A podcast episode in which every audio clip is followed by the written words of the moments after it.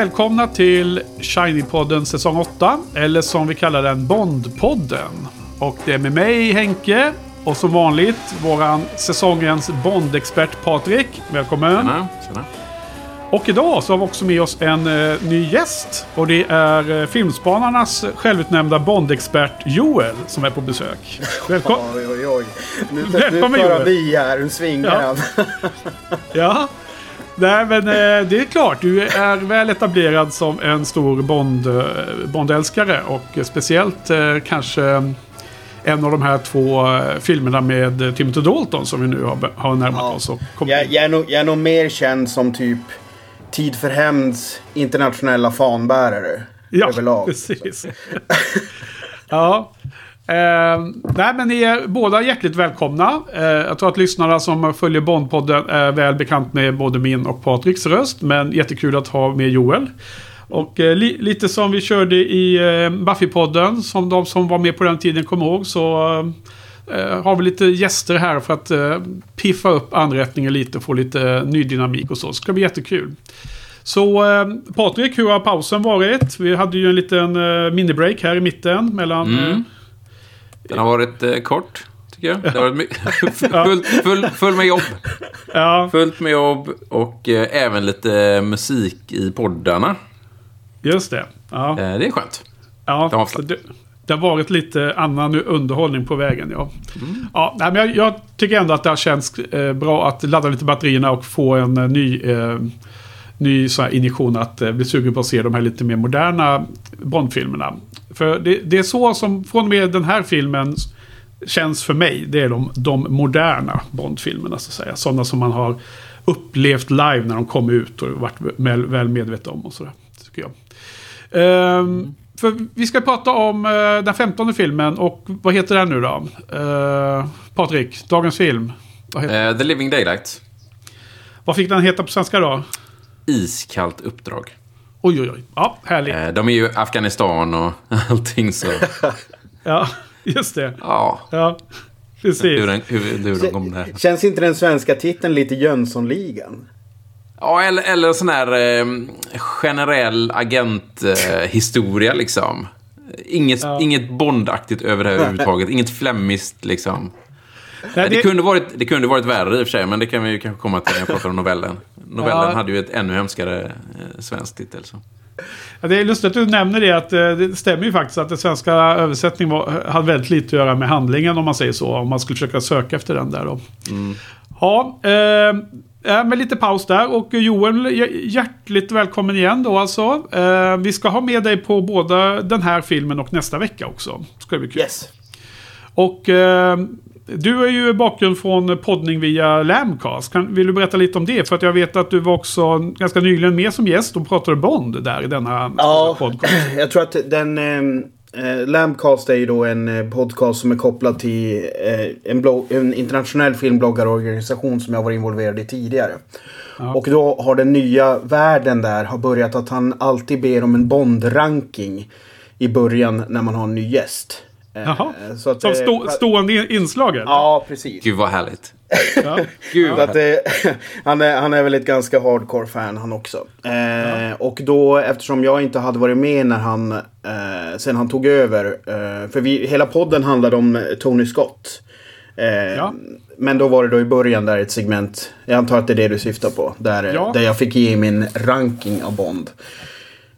Då pratar vi skådespelare va? Ja, precis, precis. Utav de olika Bondarna. Ja. Vill du rekapitulera lite snabbt? Vad, vad Alltså jag ska vara helt ärlig, jag minns inte exakt. För det är ju... Eh, så att det här kanske inte blir exakt samma. Eh, men eh, för mig, eh, jag är ju, jag är ju ett hardcore Timothy Dalton-fan. Och det är inte alla som är. Så att eh, han, han är min... Jaha! Ja, ja. Tummen upp från mig. Okej, okej. Alltså han, är- han är min obestridliga etta faktiskt. Eh, sen tvåan, och det, det är nog ganska mycket nostalgi involverat där. För jag måste säga att jag var lite besviken när jag tittade om de filmerna. Jag gjorde en Bond-omtittning i våras när pandemin precis hade dragit igång. Eh, så skaffade jag Viaplay bara för att plöja Bond-filmerna. Eh, och då var det Roger Moore som jag syftade på. Som jag, mm. mer, mer um, från min barndoms Bond liksom. Uh, mm. Sen vet, vet jag fan om det håller egentligen, men skitsamma. Han, han får bli det ändå. ja, Sen, det var väl lite som vi kände när vi såg Roger Moore-filmerna här nu. Att eh, det har väl inte eh, tiden har inte riktigt varit eh, mild mot de här filmerna direkt. Nej. Exakt.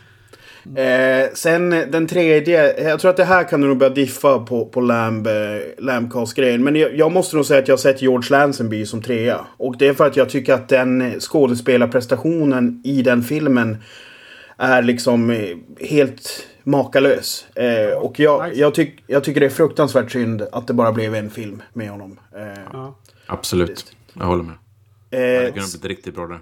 Ja, precis. Och sen som fyra så sätter jag Pierce Brosnan. Eh, ja, jag, jag. Folk ramlar av stolar ja, ute precis, i, i Sverige. Ja, de saknar någon här tror jag. Ja, ja, Exakt. Nej men eh, Pierce, Pierce eh, tycker jag på många sätt. Han, eh, han är liksom eh, en mer eh, liksom det är liksom Roger Moore fast lite mer sansat eh, på något sätt. Mm. Och sen, sen så hade det inte varit för Goldeneye då hade han nog hamnat väldigt långt ner. Men jag gillar den filmen väldigt mycket. Okay. Eh, så den drar liksom upp honom. Eh, sen på femte plats då så kommer då den som alla suttit och väntat på. Och det är då Sean Connery. Eh, och eh, jag vet inte, det är väl något... Alltså, det, han, alltså han är ju absolut superikonisk och den som man kanske spontant tänker på när man tänker James Bond så är det det ansiktet som flashar förbi. Men det är någonting med en, en någon slags kaxig dryghet som jag har lite problem med, eh, med honom. Och som gör att jag känner att han, han känns lite för självsäker hela tiden. Ja, det var ju lustigt. Patrik pratade lite om att han var lite loj där mot slutet. Upplev, ja, jo. Det kanske är lite, ja. lite samma, samma typ av känsla kanske som ni beskriver båda. Nej, jag, jag, tycker nog det, det, jag, det jag syftar på har nog varit med från första början också. Men, men sen är det ju hans, de sista filmerna var ju inte... Eh, han var ju, där var ju inte supertaggad, det märkte man ju. Men, men jag, jag satt och funderade på det där idag för jag visste att den här frågan skulle komma. Och då så satt jag och försöker tänka vilka liksom minnesvärda scener som jag verkligen gillade med Sean Connery. Och den som automatiskt kommer upp det är ju när han ligger på, eh, på den här um, bänken. Han, Honey Rider.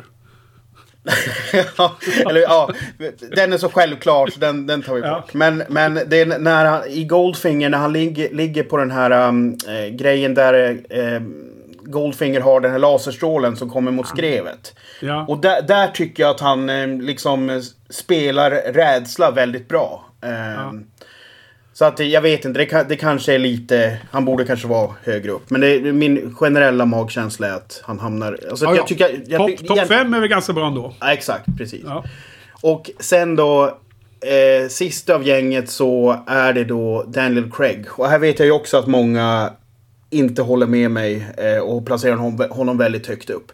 Jag, jag, tycker för det första att skådespelaren har så jävla lite karisma. Han är liksom som ett vedträ. Eh, och han liksom... Eh, han går inte genom rutan för mig för fem öre. Och det spelar ingen roll om han spelar Bond eller om han spelar någon annan karaktär. Det är liksom bara, jag blir inte berörd för fem öre. Och så, han har en så jävla förmåga att puta och posera hela tiden. Eh, okay. Det är lite Christian Bale över honom alltså. jag vet inte om jag skulle dra in Christian Bale i det fallet. Men han är ju så här, Okej, okay, det var kanske, det kanske var väldigt subjektivt för mig. Men han, ja. han, han, är urtypen av så här som är totalt vedträd. Eh, extremt usel eh, att ge Du ska dra upp eh, Keanu Reeves eller någon eh, vedträd. Eh, ja, nej. En skådis jag älskar i och för sig. Alltså. Ja, ja, precis. Nej, jag tycker Christian Bale är riktigt, riktigt... Alltså jag väljer bort filmer bara för att han är med. Ja, så okay. illa, illa tycker jag nu om honom. Men, men och så sen ja. så slog det mig också när, när jag väl kollade Spectre så eh, det har, har ingenting med hans eh, karaktär göra egentligen. Men det känner bara helvete. Nu tycker jag att han har blivit gammal också.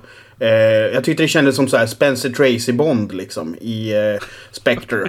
eh, så att, nej. Nej.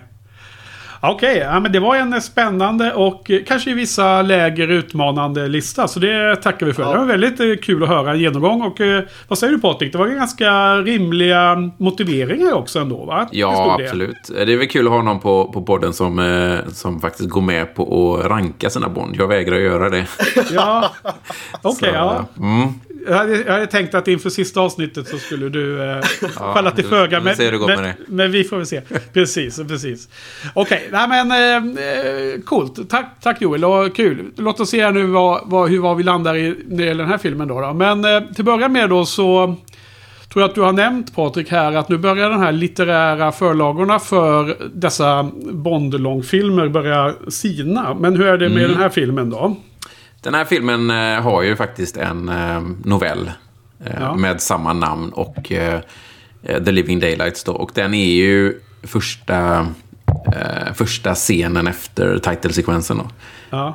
när han ska, han ska skjuta en annan lönnmördare, eller prickskytt. Medan en av i, I novellen så är det en av deras, ja, också någon egentligen som ska, som ska sticka från, från Ryssland då. Det är Bra Bratislava va? Bra ja, det är ju eh, öst till väst-Berlin i, i boken och i och för sig. Eller novellen. Okay. Ja. Um, och um, den, är, den är väldigt lik faktiskt. Eh, det är väl vissa små skillnader. Det är fortfarande en cellist och, och sådär. Men i, i novellen så är det ju en, det är ju verkligen erfaren KGB-mördare. Jaha, okej. Okay, så uppdaterat lite för filmen. Det är ändå ganska... Mm. Ja, men det, det, är liksom inte mycket som skiljer. Men just det då.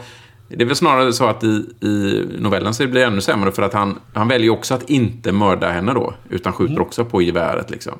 Ja. Och eh, där gör han det egentligen bara för att hon var snygg. Okay. han har liksom upptäckt henne några dagar innan där och sa åh det var samma person liksom. Och så, det är ungefär ja. också som de gör i filmen då, att ja, det här är cellisten. Men liksom kanske ganska rimligt ändå på något sätt. Eller? Han har bildat sig en en eh, platonisk men ändå relation till personen. Och då var det svårt att döda den kanske. Ja, men lite så. Sen säger han även det att eh, han, han säger ju samma dialog så, som man gör i filmen då. Eh, I scared the living daylights out of Det är ju där titeln kommer från. Och han tror ju att den, den skadan, både psykiskt och fysiskt, gör att hon inte kommer kunna skjuta någon mer liksom, som prickskytt. Då. För ja. hon skadar ju handen då, eller armen. samtidigt som han skjuter på vapnet. Då. Så han, eh, han motiverade väl även så då. Eh, och eh, den ingår ju i novellsamlingen, den sista novellsamlingen som heter Octopussy and the Living Daylights. Den släpptes ju efter Flemings död. först var det bara de två, sen så drog de med en tredje novell och sen i sista utgåvan som du och jag har så har de även tagit med den här 007 in New York som kommer från Eh, hans eh, reseguide. Som du kan Reseboken, ja. Mm, mm. Thrilling Cities eller vad det. Thrilling Cities, ja precis. Ja. Um, så, så de... Um, uh, Maibaum och Wilson som gjorde manuset där, de utgick från den novellen och så funderade de lite grann på kvinna, vem är det och så. Så det, de har ändå, de har inte skohornat in den här på, på det sätt som de har gjort innan, tycker jag. Nej, nej. Det är bra. En eh, kul ja. Ja. Mm, ja nej, sen, sen så eh, hintar jag om, om den svenska titeln då på den här novellen. Och det Just var ju då ja. Knäck för livet. Knäckt eller knäck? Knäck. Knäck. Inte ens knäckt. Inte ens knäckt, utan knäck för livet. Knäck men, men vad, syfte, vad, alltså, vad, vad är ordet knäck egentligen? Alltså julknäck liksom? Nej, jag tänker väl att det är en, en livsknäck kanske. Ja, break. Det är väl det då som är att, att hon inte ska kunna... The Living Daylights då. Att, att ja. skrev The Living ja. Daylights och så en knäck för hennes resten av liv kommer hon inte kunna göra, antar jag. Uh, så filmen kunde ju hetat det. Något, något att tänka på. Ja, exakt. Då hade det... Ja, precis. Ja, det, det hade varit galet. Jag bara kom att tänka på också att vi får göra en shout-out till Sofia här, en av våra lyssnare som skrev i kommentarerna att hon hade börjat läsa böckerna då via att lyssna på YouTube eh, audiobok på YouTube från de här mm. böckerna. Så det var ju jättekul. Ja, Liten eh, effekt av vår poddning här. Um, hej hej Sofia, hoppas du lyssnar. ja. Uh, Joel, ja, det, då? det är inte jag som gillar uh, litterära Bond. Så. Nej, gillar du böckerna? ja, det har jag inte märkt än. Ja, ja, ja. ja, men jag tänkte fråga Joel då. Har du läst några av böckerna? Nej, det har jag inte. Däremot så läste jag serietidningen som barn. Mm. Okay. Eh, som gör lite så Agent X9 fast med James Bond liksom. Ah. Eh, och där, där minns jag faktiskt när ni pratade om Älskade spion. Eh, så vet jag att jag läste den i serietidningsform. Och kände så här, fan det här påminner ju så jävla mycket om Psycho. Mm. Det, det, ja, men det här med eh, alltså, Älskade spionboken. Det här med ja, att när de kommer okay, till... Boken. Ja. ja, mm. precis. Ja, absolut. Motell och eh, exakt. en kvinna. Eh, Första halvan av Psycho där. Ja, nu, har ju, nu, har inte, nu har inte Henke sett den här filmen va? Det var väl så Nej. det var Henke? Ja, jag har inte Det är helt bisarrt men... Det, Vadå, det du har, ju... inte, har, du inte sett Psycho? Nej, precis. Och inför sista och tredje säsongen om Hitchcock, eh, Joel, så så ska jag se om några få, men de jag ser mest fram emot är att se för första gången både Psycho och The Birds. Så det är de, Inte de, den heller, okej. Okay. Det är de två. Jag har sett North by Northwest och Vertigo och Fönstret mot gården. Några, några fler kända, men det, det är de två jag har kvar. Men du, alltså, jag måste bara återkoppla här. Vad sa du? Serietidningen. Eh, och du känner till den Patrik, förstod jag. Men vi har inte pratat ja. om den någonting. Så att, Nej, det liksom... har vi faktiskt inte gjort. Jag kan ju nämna att eh, Sverige är det enda land som har haft en regelbunden eh, James Bond-serietidning. Mm. Mm -hmm. De har ju släppts som serietidningar då, men som regelbunden då, det var en gång i månaden tror jag den kom ut. Jag har ju, jag tror att jag har alla oss, mm. alla uppe på vinden. Okej. Okay. Eller nej, de står här borta. Lustigt alltså, är det... Är de serietidningar av böckerna eller är det deras egna äventyr som är i serietidningsformat? Liksom? Det är både och då. Okay. Um, alltså, eller de har väl framförallt tagit filmerna och så gjort serietidningar av det och sen så har de även gjort egna historier. Okej, okay. filmerna är som grunden mer? Ja, jag har för mig det. Det var det många, många år sedan jag läste de där serietidningarna. Men det kom ut en, jag såg att det kom ut en ny eh, James Bond-serietidning bara för, eh, eller vad heter det? Eh, graphic novel eh, för ett år sedan, två år sedan. Jaha, okej, okay, coolt. Försöker okay. hitta. Jag har inte hittat den ännu, men jag ska köpa den. Köpa på internet. Ja. ja. Alltså det, det som var grejen var också att de hade en väldigt eh, fin community-känsla i de där tidningarna. För det var mycket så här att de körde årliga listor. Eh, där de rankade. Och så sen var det mycket så här fråge, frågelådor. Insändningar och sånt. Ja, exakt. Insändare, ja. Kommer ihåg det. Kam kamratposten. Ja. Lite så. ja. Ja, vad härligt. Var, var, du medlem då i någon svensk eh, fanclub, eh, Joel? Eller? Nej, det, det, var jag nog inte. Utan det var väl, alltså, det var jag var inte så aktiv så jag höll på liksom skrev in och sådär. Men, eh, men det var mest att... För det här var ju innan internet jag läste de här. Så att det, det var liksom en communitykänsla som, som man nu är van vid med internet. Men som fanns i den serietidningen. Även Marvels serietidningar hade en sån känsla. Eh, mm -hmm. Faktiskt. Okej, okay, coolt, coolt. Ja, okej, okay, men då, då har vi alltså en ny eh, film och med denna film så kom då en ny skådespelare. Eh, Roger Moore har varit för gammal. Nu, nu börjar min eh, granne borra här lite grann hör jag. Så jag vet ja. inte om det hörs i... Så jag får be om ursäkt för det i så fall. Hörs, ja, precis. Eh, bra. Perfekt eh, timing. Extra lite ambians eh, som vi sa. Men eh, det är en ny skådespelare och så då. Så vad tycker ni om eh, Timothy Dalton som Bond då, då? Du har ju redan varit inne och nosat på det här området Joel. Men eh, vad vill du säga mer? Lite mer eh, om, om Timothy Dalton? Um, ja, det är svårt. Jag satt och tänkte på det när jag kollade igår. Um, och jag vet inte riktigt var... Alltså det, det, det jag gillar är ju framförallt att han är... Ehm, liksom, eh, liksom, han tillåts vara gritty på ett sätt som de andra kanske inte är. Alltså det blir en Känns kanske mer som en eh, liksom realistisk agent. Eh, däremot så blev jag förvånad över hur pass lättsam eh, filmen vi såg, vi har sett nu ändå var. Jag tycker inte riktigt att det överensstämmer. Men det kändes också som att det kanske fanns rester av jag vet inte hur jag ska säga det här, men det, det kändes som att det fanns en del one-liners som var typisk. De hade blivit typiska ja. Roger Moore mm. one-liners. Och han säger, dem, han säger dem bara som Timothy Dalton. Så det blir lite konstigt. Han, han liksom... Han, är, ja, han gör det på sitt sätt och det blir lite ja. konstigt. Jag håller helt med. Um, det, det, var ju så att uh, de visste ju i och för sig att Moore inte skulle um, bli Bond. Men um, den, som had, den som de hade tänkt att ta innan det blev Dalton, han var också lika lättsam. Och därför mm. blev manuset uh, så lättsamt. Och sen så fick de i, sl i slutet liksom ändra om för att passa Dalton. Då. Och jag håller med dig, just de här one-liners faller bara platt alltså. De, det funkar inte med Timothy Dalton överhuvudtaget. Mm. Um, så jag håller helt med, med det här. Vem var det, vem var det de hade tänkt sig då? Uh, ja, det är Pierce Brosnan. Helt enkelt. Så enkelt är det. Redan här och nu? Ja. Det var, civilklart. Var han uppta upptagen eller vadå? Ja, jag vet inte om man ska dra den historien nu. Det kan jag jättegärna göra om ni vill. Ja, ja. Det var ju så att han, vi pratade om det redan eh, under uh, synvinkel där. Uh, hans fru och de började skämta lite ja. grann om, uh, om att han skulle vara Men så de, de hade bestämt sig. Det skulle bli Pierce Brosnan. Han gjorde sådana här officiella foton och kostymfitting till den här filmen och allting sånt då. Det enda problemet var ju att han, han höll ju på... Han hade ju precis avslutat en sång med Remington Steel, om ni minns den. Absolut. Mm. Väldigt bra. Precis, så NBC då som gjorde den de hade tydligen 60 dagar på sig att bestämma sig för att om de skulle göra en ny säsong. Den gick inte jättebra den här sista säsongen de gjorde då. Um, och Cubby Broccoli sa väl egentligen det att han ska bli Bond. Uh, ni kan få sex avsnitt om ni vill, men sen måste jag ha honom liksom, för då börjar inspelningen. Um, så de här 60 dagarna tickade på och um, på den 60 dagen så ringer NBC och säger nej, vi kör en säsong till. Och då, hade ju, då stod alltså Pierce Brosnan i princip med champagnen, eh, eller enligt han själv så stod han och hade precis öppnat champagnen för att fira liksom med sin fru då. Eh, och så ringer de och så ringer hans agent och säger att nej men NBC eh, vill ha tillbaka det. Så han fick ju tacka nej. Mm -hmm. och sen, och det är därför som um, Dalton kom in då. Men det roliga är ju att NBC gjorde ju den här nya säsongen. Men uh, den var så katastrof så att de la ner den efter sex avsnitt.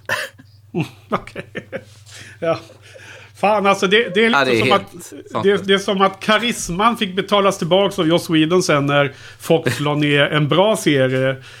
Eh, nämligen Firefly i, i förtid istället för tvärtom här. Det verkar som att det är omvända världen liksom. Här ja, nej, jag tvingar de till sig en ny ja, säsong. Det känns att de... Eh, jag vet inte om man hade gjort sig eh, ovän med någon där eller någonting. Det känns ju verkligen som att de ja, bara vill jävlas liksom. Ja, jag vet inte. Ja, så att, okay. Men det är ju förklaringen lite den lättsammare Bond. För att han är ju då precis som Moore väldigt eh, lättsam. Liksom. Mm. Alltså jag stötte på någonting att... Eh, alltså där Timothy Dalton själv säger att han provfilmade redan för i Hennes Majestäts tjänst. Hemliga tjänst. Mm. Det stämmer. Det, stämmer. det är ju helt sjukt. Han, måste ju, han var typ 25 år då eller någonting. Han måste vara jätteung liksom. Han är född 46. Um... Så vad blir det? Han blir uh, 24. 23. Ja, 23 när de spelar in den antagligen. Ja. Uh, men han, han provspelade. Han var väl kanske topp, jag vet inte, 10. Ja. Någonting sånt, 20 ja. liksom. Så att han var väl inte superaktuell. Men absolut, han var så, så pass långt så att de, han provfilmade. Ja. Okej, okay, men Patrik, vad tycker du om Timothy Dalton som Bond? Jag såg att du nickade eh, eh, flera gånger när Joel beskrev eh, Timothy Dalton som högt upp mm. på sin eh, Bond-ranking. Ja, men jag gillar honom. Jag gillar honom verkligen. Han, han är ju den som är mest nära den litterära Bond också. Eh, vilket gör att det blir extra eh, härligt. Det märks att han har läst eh, böckerna och gillar det här liksom. Han är mer, han är mer hårdare. Lite grann som den yngre Sean Connery. Just det. Och eh, det är liksom lite mer... Eh, lite mindre smoking, mer skinnjacka på honom. Eh, Aha, ja, ja. Lite, för att gå bort från eh, Roger Moores eh, fina, fina Bond. Gentlemanna med sån här fin överklass överrock och så. Ja, men precis. Han är ju mindre gentleman, eh, den här. Ja. Men alltså, okej. Okay. Min, mitt ordningssinne vill ju gärna höra vad du, vad du tycker om skådespelare och inte bara... Är det bara att han är lik boken? Det, då räcker nej, det. Då är det nej. uh, nej, men han är, alltså det märks att han kommer från teatern. Det gjorde ju i och för sig Roger ja. Moore också då, men... Uh, och det kanske gör att han inte passar lika bra in i filmvärlden. Nej. Jag tycker att det funkar liksom. Uh, men sen blir det ju... Nej, jag, jag, jag har svårt att sätta fingret på allt sånt här. Men... Alltså, jag personligen tycker att det märks att... Alltså, om, om jag nu från något sånt här äh, magkänsleperspektiv skulle liksom så här äh, bedöma, bedöma alla som skådespelare och inte som filmstjärnor. Om ni förstår skillnaden. Eh, så tycker jag att Timothy Dalton är den som överlägset har bäst eh, spännvidd på, på sitt register. Utav alla Absolut. som har spelat Bond. För både Sean Connery och Roger Moore känns lite mer som Pretty Boys som har blivit filmstjärnor snarare än att de, att de är skådespelare. Eh, Medan det känns som att Timothy Dalton har liksom ett, ett, eh, ett ja, en helt annan spännvidd. För det, det, var någonting jag också reagerade på var att jag tycker att han spelar väldigt bra när han blir stressad. Eh, som i, i, i, i en scen här när han, när han kör flygplanet. Eh, och hon, eller, han har haft fighten i flygplanet. Så kommer han in och så ser han att hon håller på att krascha med Hon håller på att flyga mm. in i en bergvägg. Mm. man märker verkligen att han, han är liksom så här han, han är liksom instinktivt stressad och liksom behöver lösa situationen. Och det är ofta så också när han skriker till folk så här att han, han låter lite skarp liksom. Och det är så här, det känns äkta på ett sätt som eh, jag fan jag blev lite halvimpad av. Eh. Mm. Jag tänkte på den cockpit-scenen också faktiskt. Eh, när jag ja, Ja, nej, jag, jag kommer ihåg att när han var ny och man hade växt upp med Roger Moore som var den, den som var samtid med, med sitt eget filmuppvaknande under 80-talet. Så var jag bara så här eh, taggarna utåt. Lite som en eh, helt ny okänd person som man liksom inte har greppat eller fattat ännu vad det är för någon person liksom. Eh, och det är liksom en slags eh, känsla negativ variant av nostalgisk känsla som sitter kvar i den. Så att jag var ganska överraskad på det positiva hållet när jag såg filmen här om kvällen. Eh, just för att eh, jag tyckte att han funkade bra. Liksom. Jag var inte lika påverkad av det här, det här switchen ifrån eh, Moonraker. Eller vad säger jag? Från Moore i, i, eh, i rollen. Eh, jag vet inte varför Moonraker poppar upp. Nej men så att jag, jag är också ganska positivt överraskad faktiskt. Det, det, han var ganska bra. Jag menar, eh, det är, eh, han var duglig men... Eh, och, jag förstår absolut det ni säger och det här skåd, den här teaterskådespelarens eh, range som, som adderas till det här. Eh, och det är också lite lustigt då att att du förklarade delvis Patrik att de har liksom gjort den här filmen med tanke på en tonalitet och sen kommer det in en ny skådespelare och sen nästa film får vi se att de verkligen ändrar tonalitet mm. istället. Då blir det liksom en... Ja, det var intressant. Men då har vi en ny skådis här i alla fall. Mm. Men det är ju som du säger, liksom. han, han, är, han gör ju så få filmer så att uh, han blir ju lite udda fågel. Lite likt... Han hinner inte etablera sig liksom. Jag känner ju att det är lite därför han har blivit så undanskuffad. Mm. Just för att han efterträdde Moore som var en väldigt så, ikonisk mainstream Bond liksom. Eh, även om vi nu, sådana som vi kanske tycker att, de, att han gick på övertid så, så tror jag att om du frågar generellt så är det ju jävligt många som som liksom gillar A View to a Kill och Octopussy och de här. Och skiter i att han är gubbe liksom. Eh. Ja. Och det var ju när man var där, alltså 80-talet, så, så var ju han Bond. Liksom. Det, vi har ju en annan lyssnare som har skrivit eh, många kommentarer på vår säsong då. Eh, I Karl. Så hej hej Karl, hoppas du lyssnar.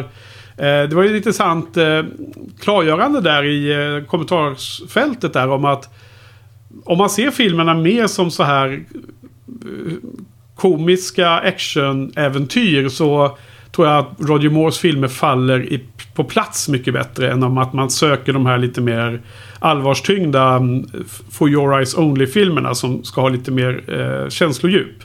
Och det var en ögonöppnare för mig. För jag har liksom inte riktigt definierat den eh, skillnaden inom Moore-eran på ett tydligt sätt som, som klargjordes i den dialogen med, med Carl. Så det var bra tyckte jag.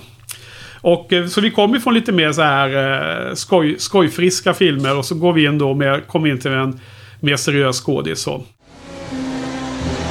Cheer up Saunders. The operation's a success. Officially still yours. I have no intention of leaving it at that, 007. I'm reporting to M that you deliberately missed. Your orders were to kill that sniper. Stuff my orders.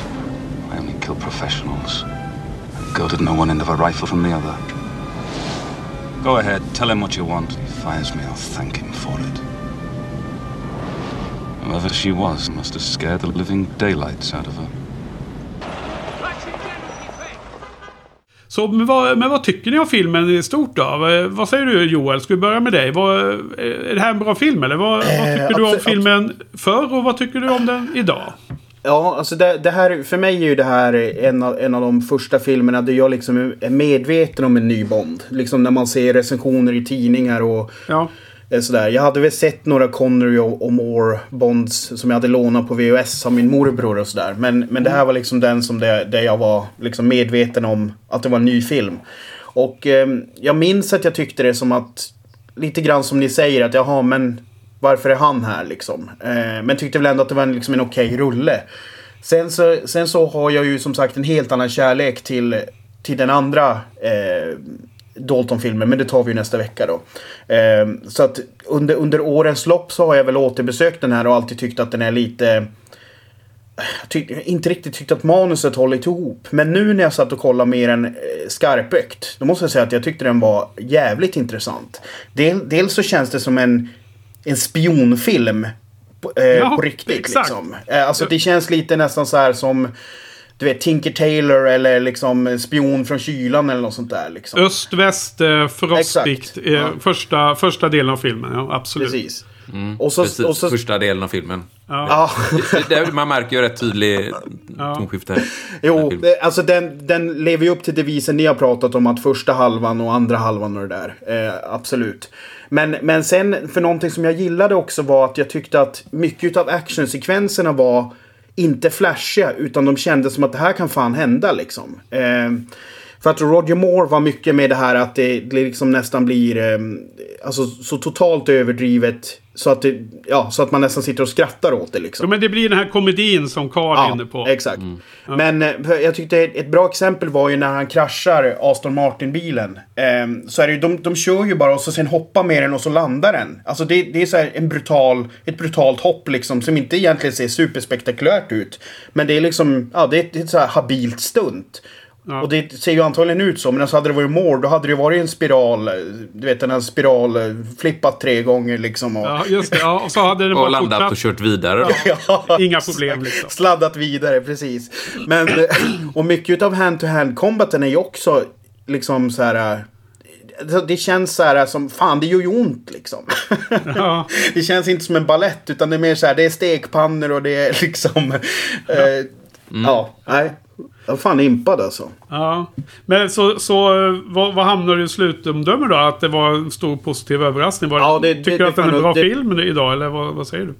Jo, men det, det, det, är, eh, det var nog en positiv överraskning. Som sagt. Jag har nog tagit den lite för givet tidigare. Liksom. Men nu när jag... Nu har man ett par andra glasögon på sig när man, när man sitter och ska podda om det också. Så man blir, man blir närläser ju väldigt mycket mer också. Så att, men sen är det klart att andra halvan är ju svag. Eh, det får man ju säga. Det, det, säger du ja. Ja Patrik, eh, take it away. Fram, fram med sågen här nu Patrik. Nej men alltså hela, hela Afghanistan. Det finns väl vissa små scener som kanske är okej i den, eh, hela den delen. Men den eh, kunde ju skippats liksom. Um, den har ju åldrats rätt dåligt också med Mujahedin och allt det här. uh, nej. Um, första delen, spion, thriller som ni säger. Um, funkar, funkar riktigt ja. bra. Ja. Och eh, också bättre än vad jag minns den. Jag har inte sett den som någon jättedålig film, men den, den blev bättre än jag såg om den här första halvan i alla fall. Sen zonar man kanske ut lite mot slutet när de börjar springa kring i öknen. Mm. Um, men det här var, precis som för dig Henke, tror jag vi kom fram till första bion jag såg på... Första filmen jag såg på bio. Den första Bondfilmen ja. jag såg på bio, ska jag säga. Uh, jag kommer ihåg att jag såg den med mamma på, i London. Odeon Marble Arch. Åh, oh, i London också? Mm, första, första filmen jag såg utomlands. Cool. Um, och uh, det var liksom... Uh, man hade en bar inne i foajén, kommer jag ihåg. Med, väldigt underligt. Och sen, sen kommer jag ihåg när, det var, när vi skulle gå in till, till salongen så var det liksom mörkt. Jag vet inte om vi var några minuter... Vi hade miss, eller var mitt i reklamen där antagligen. Eh, och då var det liksom som vaktmästaren och så en liten ficklampa som hjälpte oss till var vi skulle sitta. Så det var väldigt fascinerande. Roligt att gå på, gå, gå på bio i andra länder. Mm. Jo, men det har, jag, det har faktiskt blivit en, en grej sen efter det. Att jag försöker gå, när jag åker utomlands och har tid så försöker jag faktiskt gå på bio. Ja. Lite kul. Jag kommer ihåg när jag var på bio i Holland någon gång. Där det var som askkoppar satt vi i varje säte. De rökte där inne. Det var ganska udda. Ja, ja eh, nej men, men jag... Här, ja. ja. nej, men det, här, det här är ju dessutom nog den film jag har varit på mest eh, location scouting på. Men det kan jag återkomma till sen. Men det, av någon anledning har det blivit att det blir väldigt mycket från den här filmen. ja, precis. Ja, nej, jag hade ju mitt Bondprojekt för, tre, för sju år sedan och då var den här någonstans i middle of the pack. Eh, jag har inte dubbelkollat exakt men eh, jag hade liksom så här vaga ja, mellan, mellanfilmsförväntningar när jag såg den. Eh, och precis som ni båda nu har varit inne på så tyckte jag också att första halvan var ju jättemycket bättre än vad jag kommer ihåg den. Den här känslan av att det är liksom verkligen öst mot väst och att det fanns en konspiration och eh, liksom en idé som han var tvungen att breaka och liksom lista ut helt enkelt. Och det här med att han följde eh, hon eh, Bondbruden här liksom just för att liksom få reda på mer vad som hände egentligen bakom kulisserna. Att den, det fanns någon slags spänning i det som jag tyckte ändå var ganska coolt manus. Men sen så, ehm, och, och, någonstans i mitten av filmen så börjar jag faktiskt tänka som att vänta nu, det här kanske blir en, en, liksom en riktig sån här toppfilm helt plötsligt.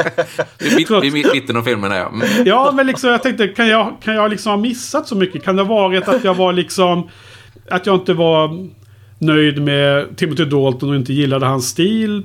Så här, och nu har jag helt plötsligt accepterat den. Kan det vara något sånt som ändrat?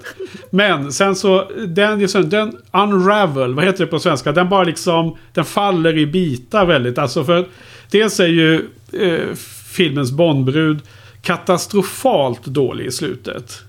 Alltså, ja, den, här, den, här, den här scenen när hon liksom det är, det är liksom ett, en attack mot en rysk militärbas och hon liksom bara ska gömma sig. Och då hon helt plötsligt får för sig att jag, jag snor en jeep och sen åker jag ut bredvid flygplanet som Bond håller på och flyger iväg med. Bara för att skrika och säga James, James. Liksom vad, det, det, det, det är så dåligt att det, det, det är verkligen skohornat in där Patrik. Att få in att hon ska kunna vara med i planet sen. Det är liksom att hur ska vi få henne dit liksom. Mm, mm, mm. Och så är det bara så här. Ja, men det... det, här, här skrevs liksom på eftermiddagen dagen innan de filmar känns det som. Liksom. eller samma dag. Ja, och, och det, det är säkra ljuset. Och sen det andra är ju då att det har inte åldrats väl med de här bitarna med, med Wajidin. Och, och det allra värsta är egentligen när Bond kommer in och ska smuggla in sprängmedel och har på sig ett, ett, ett bombbälte. Så känns det som att ah, det här kanske inte riktigt valet man har gjort om den filmen hade gjorts idag. Liksom. Nej, precis. Eh, det sticker i ögonen. Ja, nej men så jag måste säga att tyvärr så har den liksom går väldigt högt upp och sen så som eh, Icarus flyger för nära solen så kraschlandar den i slutet. Och det blir ju ett mixat, eh, mixad känsla och, och tyvärr blir det ju inte eh, top of the line betyg för en sån film då. Ja men så vad tycker ni om hon Bondbruden egentligen? Vad, vad är hon heter nu igen då? Kan vi reda ut det? Vad heter skådisen? Mariam Dabou. Eh, har hon gjort någonting eller är hon ytterligare någon sån här modell som bara är med i en film eller? Hon har gjort en hel del filmer tror jag. Eh, jag tror ja. att det är något mer, ja. men hon har ju aldrig... Hon har inte gjort något jättestort. Hade inte hon någon syster eller någonting? Jag kommer inte ihåg. Ja, vad, vad heter hon i filmen då? Eh, Cara. Cara, Cara Melovi. Ja, Melovi. Det är alltid cello... Det är alltid de kvinnliga cellospelarna som är de vackraste i alla orkestrar. Det är, det är, det är, enligt, eh, enligt en stor referens. Ja. Så. Eh, ja, och kanske, jag, jag, tror att nog att docenten Anders kanske har en ganska stor del i, i ursprunget till den tesen också för, förvisso. Men det är något man har lärt sig. så hon är ju cellospelare här då. Men vad tycker ni? Håller ni med om att hon är helt under isen eller? Jag tycker att hon är rätt bra fram till Afghanistan. Allting faller ja. ju så här i Afghanistan. Eh, jag tycker hon är helt okej, okay, eh, den biten. Jag gillar ju samspelet med... Eh, med... Nu börjar mitt batteri ta slut här.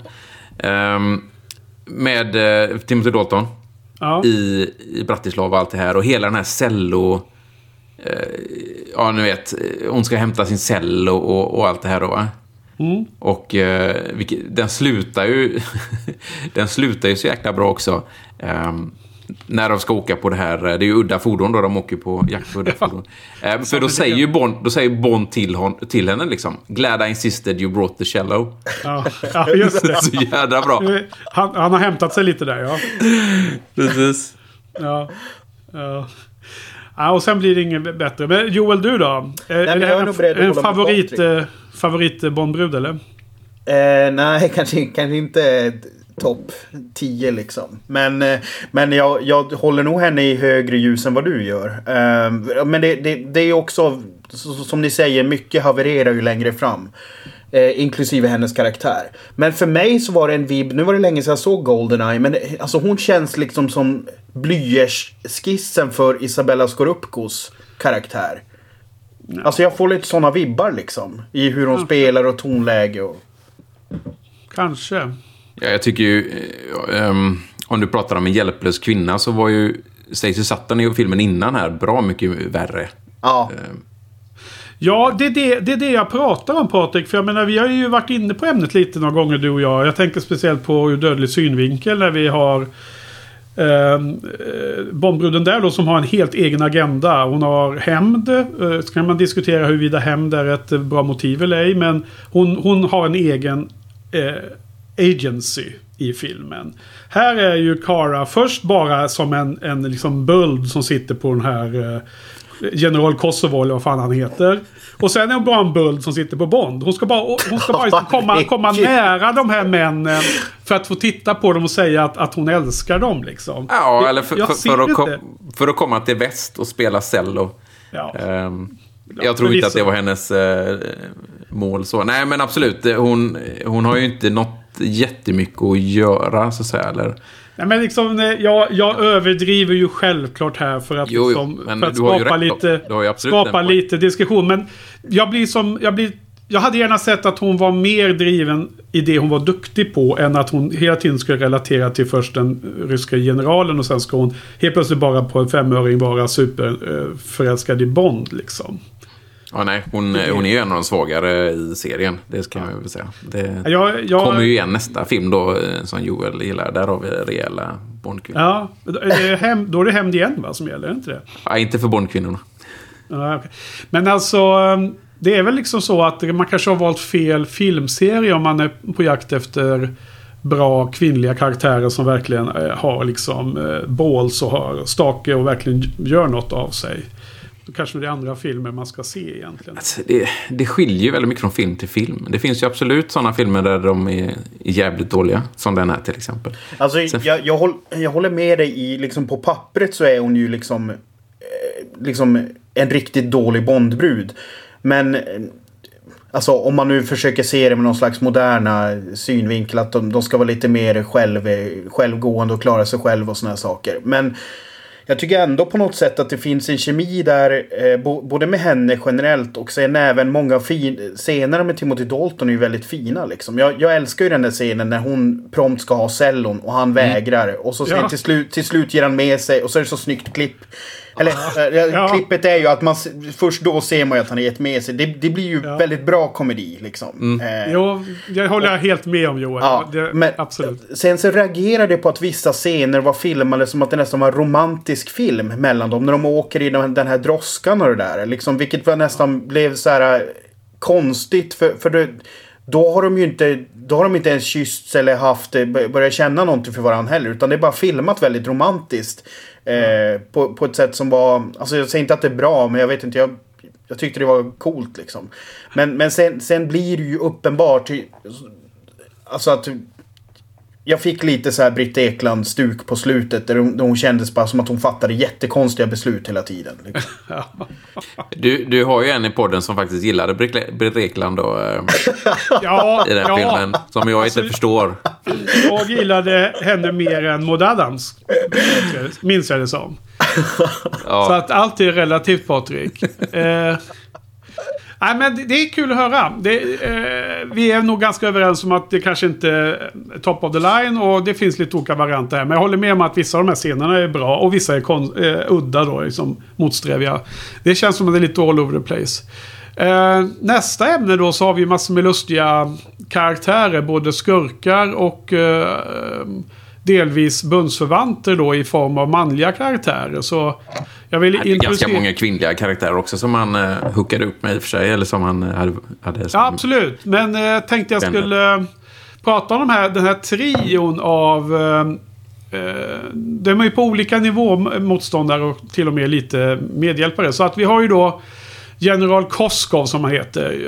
Jörn Krabbe då, känd ifrån The Fugitive med Harrison Ford den eh, läkaren där som är polare med honom. Och så har vi då Joe Don Baker som den här galna amerikanska militären. Som, som vi lustigt nog Patrik får kommentera att han återkommer ju i Bond-serien mm. sen. Vilket är alltid Precis. förvirrande.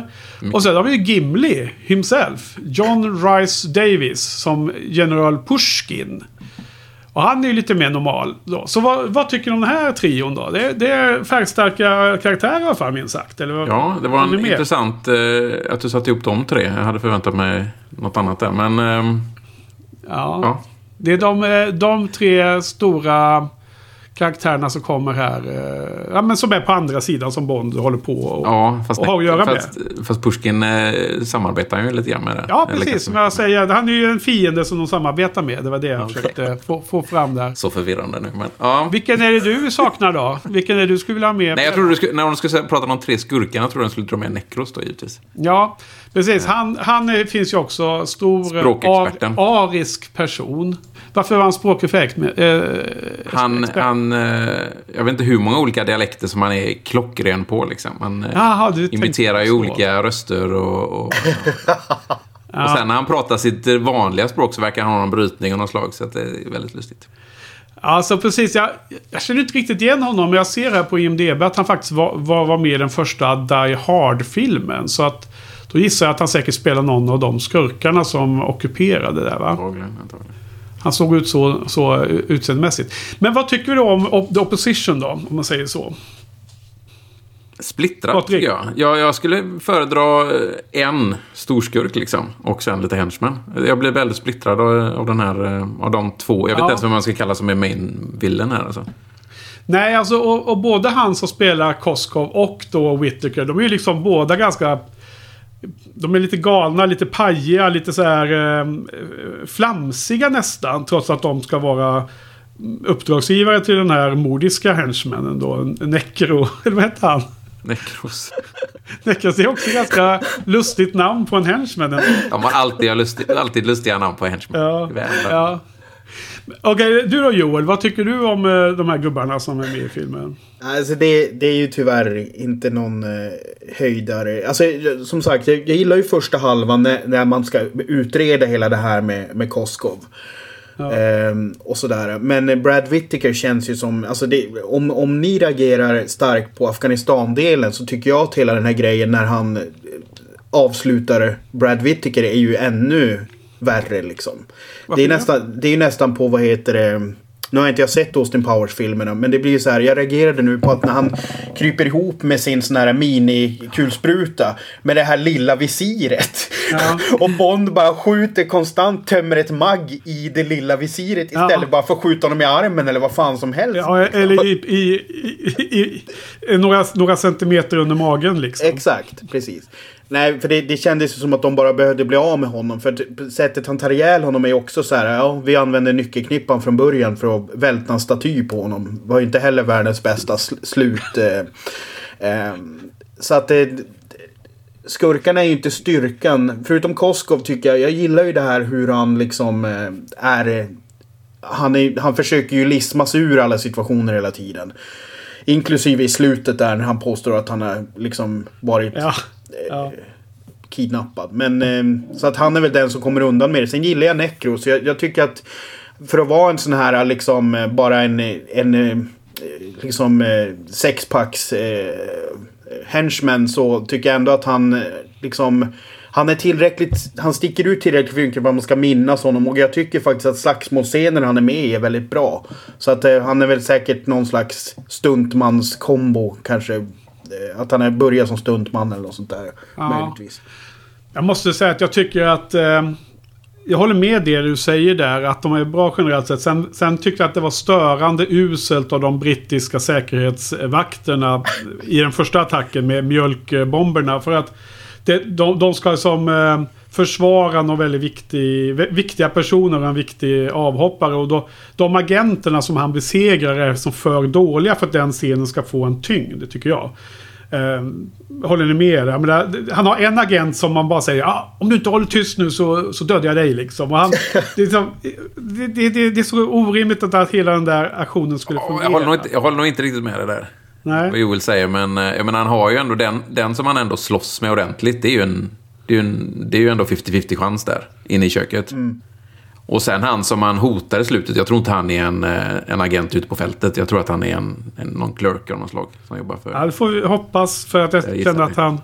Ja, han, jag, han, var en jag, av de vakterna som var där inne vid Koskov. Så att jag, jag tänkte att han skulle vara någon som var duktig. Och då alltså det jag underpresterade på, han lite tyckte jag. Det jag reagerade på var ju den här agenten som när, när, när han som först ska slåss med honom liksom rapporterar på kommen att någonting. Och så mm. sen ja, inte säger någonting sen, på typ en minut. Och den, den andra håller på och hojtar hela tiden liksom. Nej, det ja, måste vara dålig kommunikation. Men vad fan. Han hade sitt kaffe att dricka där vet du. Det var, eller te då. Hur usel får man vara han den vakten som den på andra sidan den, eh, den eh, kommunikationen? Det var det du menar va? ja. Jag håller med.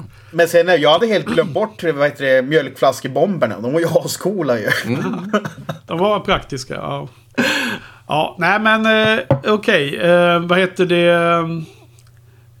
Det var kanske en liten petitess egentligen, att det jag lyfte där. Det drog inte ner eh, så mycket så att man, fick, att man tog sig ur känslan av att det var ändå lite kalla kriget-story där första halvan. Så det vill jag kommentera. Mm. Uh, har vi några andra karaktärer att notera i filmen då? Så, jag menar, vi har... Vi, har, um, vi kan väl nämna då uh, ny, John, ny... Joe Don Baker eftersom vi ändå... Ja, just det. Det, det ska vi ta först, ja. Ja. Um, han kom ju tillbaka två gånger sen i, i, med Pierce Brosnans filmer.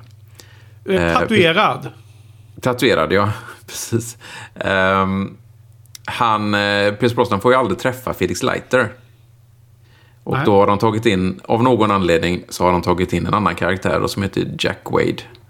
Eh, som då spelas som Joe Brubaker i två filmer. Jag förstår inte varför de inte bara tog, eh, det är ju CIA liksom, så jag vet inte varför de inte tog Felix Leiter där. Det är jättekonstigt. Var, hade Brosnan något problem med Leiter? Eller? Uppenbarligen. Han tyckte Leiters uh, livsstil, uh, han höll inte med om den, Pierce Brosnan. Jag har faktiskt ingen aning varför. Eller om de tyckte ja. att uh, nu har vi hoppat så mycket med Leiter så nu tar vi en annan karaktär. Så, ja, ja. Brosnan var lite för traditionell där. Han tyckte att Leiter var lite för modern. Jättekonstigt. Mm. Leiter är med i den här filmen dock. Men, Just det, lite, lite. Kom väl till sen. Ja, men han, han kommer tillbaka och då är han ju då god. Precis på samma sätt som den andra skådisen som var med i eh, You Only Live Twice och sen återkom som, eh, vad heter det, eh, huvudskurken. Eh, så det är lite så förvirrande. Man byter sida mm. också. Inte nog med att man, man ser samma, samma ansikte utan eh, det är också olika sida av eh, de onda och goda i någon mening. Ja. Precis, precis. Eh, vi har i alla fall en ny Miss Moneypenny. Mm. Kan vi väl ändå konstatera. Va? För det här måste vara första filmen hon är med, den nya där. Mm. Eh. De eh, följer ju eh, ofta Bond-skådespelarna. Eller från och med nu i alla fall gör de det. Ja, alltså precis. För hon är inte med så länge den här skådisen. Stämmer det två, eller? Två filmer. Okej, okay, vi har en ny för Brosnan också. Mm. Det hade jag glömt av. Okej. Okay. Jaha, har, har, har vi något på henne då? Caroline Bliss heter hon. Nej, jag vet inte. Ja, det är ju ganska bra att de bytte i alla fall. Um, nu har de en yngre Bond, så det är väl bra att de bytte till en yngre, en yngre mm. Miss Moneypenny. Men uh, hon är väl inte heller... Um, Alltså hon ser extremt 80-talsaktig ut i, i frisyr och kläder. Hela 80-talet har ju den nackdelen att det blir extremt daterat i vissa lägen. Att det, att det åldras så bra. Ja, det åldras så, ja. Precis. precis. Uh, Joel, är Miss Moneypenny en viktig karaktär i Bond-filmserien för dig, eller? Hon var ju det. Alltså det, det, det, det om jag ska återkoppla till eh, i Hennes Majestäts Hemliga Tjänst så var ju det, det var ju då den karaktären lyftes inåt helvete för mig när jag såg om det i våras. Och hon står vid bröllopet och helt... Mm. Alltså det är typ... Alltså det är en blandning av att hon är glad för hans skull men förkrossad på samma gång. Som var ett, så här, ja. fan, ett jävla mästerverk till skådespel utav den, eh, av hon som gjorde den ja. rollen. Så att se, sen dess så ser jag ju på den, när hon spelar Money Penny på ett helt annat sätt. Framförallt. Mm. Eh, men mm. sen Alltså jag minns ju inte ens vem som är Moneypenny i Pierce Brosnan-filmerna. Så det säger Nej. väl en del om hur den karaktären har hanterats. Liksom. Inte jag heller. Det, och I och för sig, jag, det jag gillade här, jag reagerade på var att hon, den här Moneypenny är ju faktiskt aktiv. Hon jobbar ju lite grann med att göra research och liksom eh, ta reda på vem cellisten är. Så det tyckte jag var intressant. Att hon liksom inte bara är en sekreterare utan att man får se henne jobba liksom, typ som en agent. Mm. Mm. Ja. Ja, okej. Okay. Några andra karaktärer, Patrik, som poppar ut? Uh, du nämnde ju Pushkin. Just det. Uh, Gimli från Sagan om ringen. Eller uh, Leonardo da Vinci från Star Trek Voyager. uh, som jag tycker är viktigt att poängtera. ja. Nej, men han... Det är ju lite intressant för att tanken var ju att det skulle vara Google som skulle vara den här karaktären. Det hade ju funkat mycket, mycket bättre. Mm. Tyvärr var ju han sjuk då, så han kunde inte vara med så mycket. Han klarade inte av det då. Då han var ju ändå med lite. Mm, nej, det var väl en sån, uh, han fick en dags inspelning, då kunde han väl klara av det. Men Pushkin har ju lite mer, mer att göra så att säga. Mm. Det hade varit coolare om det var Google hela ja, tiden, eftersom vi ändå haft honom i så många filmer då. Ja. Det är sista gången Google är med då, så att han, han var väl i slutet av sin tid. Alltså den, den scenen som, som, som verkligen får mig att alltså hur jag tänker på Timothy Dalton som Bond. Det är ju när han går in i den här um, hotellsviten. Eh, och eh, liksom eh, överraskar han, när han, när han kallar in sin livvakt liksom. Så han sliter av tjejen eh, skjortan och så liksom för att, för att överraska livvakten där. När han, eh, alltså det, den brutaliteten i den scenen är liksom det som jag förknippar med Timothy Dalton mer liksom. Just det. Jag håller med. Det, det är en väldigt bra scen. En, kanske den bästa av den slaget i hela filmen. Och det är också när Bond står med ljuddämparen på pistolen och siktar på Google. Det finns en, en, en mm. vinkel, en shot där som jag tror användes i, produktion, eller i promotionmaterial mycket va? Stämmer det? Ja, något liknande i alla fall va? Ja. Um, Liksom det, man, man känner igen, det var det bara poppade upp i ansiktet på mig när jag såg filmen här om kvällen. Just för att jag kände igen bilden väldigt tydligt. Det känns mm. som att man har sett den många gånger. Ja, hela den scenen är ju jättebra. Ja. Ja. Väldigt så här, agentaktig då, som Joel pratade om innan. Att eh, Dalton är mer som en riktig agent liksom. Alltså på, på ett sätt så tycker jag att med, när jag ser filmerna eh, nu i år. Eh, och nu får vi se hur, hur jag upplever de här sista nio då. Men desto mer nedtonat och agentaktigt är med i filmerna. Desto, det reagerar jag mer positivt på. Medan det här bombastiska och stunsen eh, är jag inte så intresserad av längre. Det är liksom en, en, liknande utveckling som har gått när det gäller generellt. Att man gillar inte liksom bomber och granater lika mycket som karaktärer och att de verkligen gör något som är spännande. Mm. Kommer ju 90-talet vara jobbigt för dig då? När vi kommer in i dem. ja, det finns ju vissa Pierce Brosnan-filmer som bara är helt paja på den, på den fronten. Hans sista film som på något sätt tog död på hela hans grej. Men eh, jag bara tänker på framtiden. Man, man skulle kanske kunna se Bond gå i flera riktningar. Men det kanske inte måste bli mera, mera Fast and Furious. Det kanske kan gå lite mer mot en agentserie. Det skulle kunna vara intressant tycker jag. Ja, jag tror inte slår, de kommer göra det. Men, men det hade absolut varit intressant. Mm. Eh, vad tycker ni om actioninnehållet hos den här filmen? Eh, jag kan säga att jag är ganska besviken över det mesta. Då, även om det fanns sådana fall som den scenen ni nämnde just nu som jag gillade. Vad tycker ni om action? Joel? Nej, jag är nog alltså, tvärt emot dig där. Jag, jag blev nog överraskad för att jag, jag tycker att det finns en realism i det hela tiden som gör att det ser farligt ut.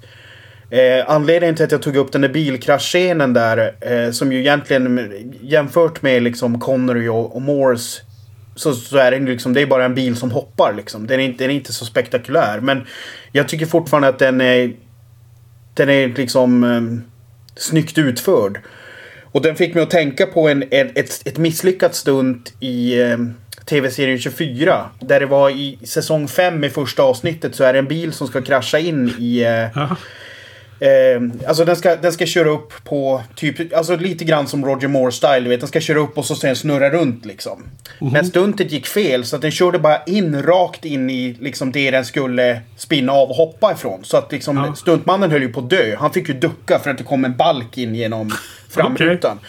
Och på behind the scenes så sa de ju det att, eh, liksom att stuntmannen bara kom ut och bara ah, sorry I fucked it up liksom. Och de bara no fucking way. This is, det, det är så här vi ska ha det liksom. För att det ja. ser så jävla bra ut. Och det, det är ju, han höll ju på att dö liksom. Det är gritty. Det ju, precis. Och ja. det, det, är lite, lite den känslan som, eh, alltså. Av någon jävla anledning tänkte jag på det stuntet när jag såg det hoppet. Eh, ja, alltså det, det, här sista hoppet i slutet på den scenen är ju ganska bra. Jag håller med om det Joel. Och jag gillar också att det inte blir en så här orimlig räddning i sista sekunden och bilen är helt opåverkad av det hoppet. Men innan dess har de åkt omkring på isen och skurit upp eh, cirkulära is, eh, isringen. Och det är massor med polisbilar som ska kraschas och, och tuta och köra tokigt liksom. Fast det är ju fortfarande... Alltså jag vet Det är de grejerna som tar mig ur actionscenen. Det blir inte verkligt ens om det avslutas med ett bra stunt då. Ja, men det är ju så här om, om, om, om man ska vara på den nitpick-nivån då blir du inte nöjd förrän vi kommer till Daniel Craig-filmerna i sådana fall. Känns det ju som. Ja, jag vet inte. Ja. Nej, det, det är möjligt att det är fel. Ehm, man får ändra på sin kalibrering lite på den här nitpickingen då för att uh, njuta av de här filmerna mer. Vad säger du Patrik? Kan du belysa något här i det vi säger? Uh, nej, men jag har just de scenerna som är lite mer uh, riktig action eller vad man ska säga. Lite mer... ja, down to earth. inte spektakulärt. Det funkar ju ja. bra. och Biljakten är inte, jag tycker inte biljakten är speciellt bra. Eh, nu, Joel pratar ju framförallt på slutet då. Liksom. Mm, det, men ja, absolut, ja. absolut. Men hela är ju inte bra. Just den här cirkeln på isen är ju inte kanske det, det, det roligaste att titta på. Det känns som att de bara har den för att um, visa lite coola grejer som finns i bilen. Liksom, med raketer och sånt. Ja, och skidor som fälls ut och ja, sånt. Så det, man blir det, lite det, trött på den. Stilen har redan gjorts för 20 år sedan i Bonds Ja, eh, och sen... Um, Sen fanns det väl, ehm, just när Saunders dör, det hade ju varit eh, ännu mer gritty att titta på. Han delas ju två den här. Ja, eh, gör han det? Ja, han gör ju det. Fast de har ju verkligen klippt bort dem senast så man inte ser det. Ja. Um, jag, tro, jag, tror till och med jag läste att det fanns, det fanns en, en, en um, replik som någon åskådare sa. Att, oh, you better bring a stretcher. Liksom. Och då säger Bond någonting. You better bring two.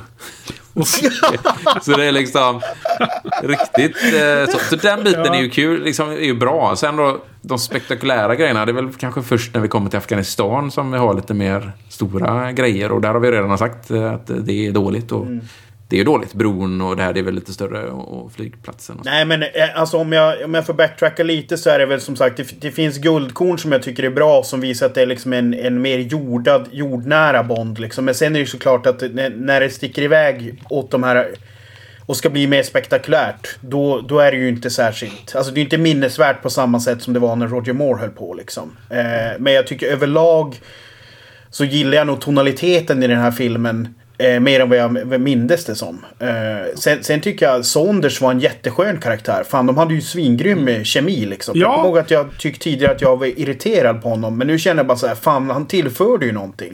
Tyckte ja, fan det var lite synd att han dog. Ja, det, det är som ett mikro...